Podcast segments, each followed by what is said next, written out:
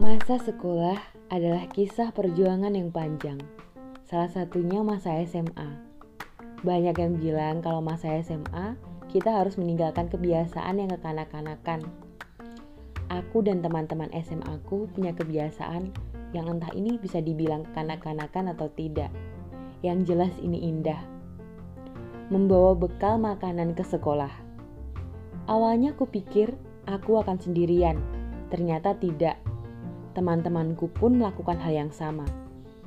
Tanpa rasa gengsi, kami makan bekal bersama, bertukar lauk, saling mencicipi masakan ibu, bahkan hasil karya sendiri. Bumbu-bumbu canda tawa kami menambah rasa lezat dari bekal yang kami bawa.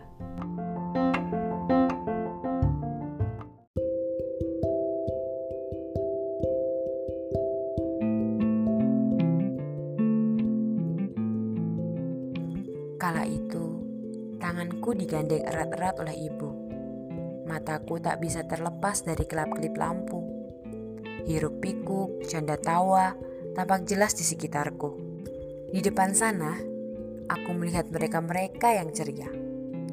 Mereka sibuk memilih permainan khas pasar malam. Ada yang menaiki biang lala, ada yang mengantri di depan loket komedi putar, sementara aku lebih suka melihat perahu mainan yang berlayar di atas wadah berisi air.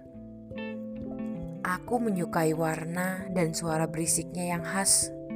Aku juga suka melihat bebek-bebek berenang di air warna-warni berwadahkan kantong plastik yang digantung berjejer di bilah bambu. Tak lupa, aku melirik ibu sambil menunjuk ke arah pendaringan warna merah muda yang bergelantungan pula.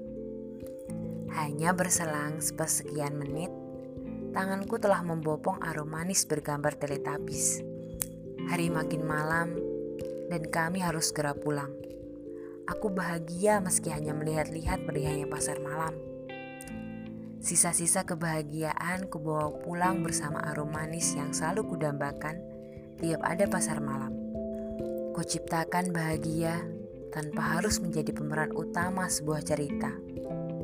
Sebentar, sepertinya aku salah bicara. Bukankah kita adalah pemeran utama di dalam cerita kita sendiri? Meskipun kebahagiaan kita adalah melihat orang lain bahagia.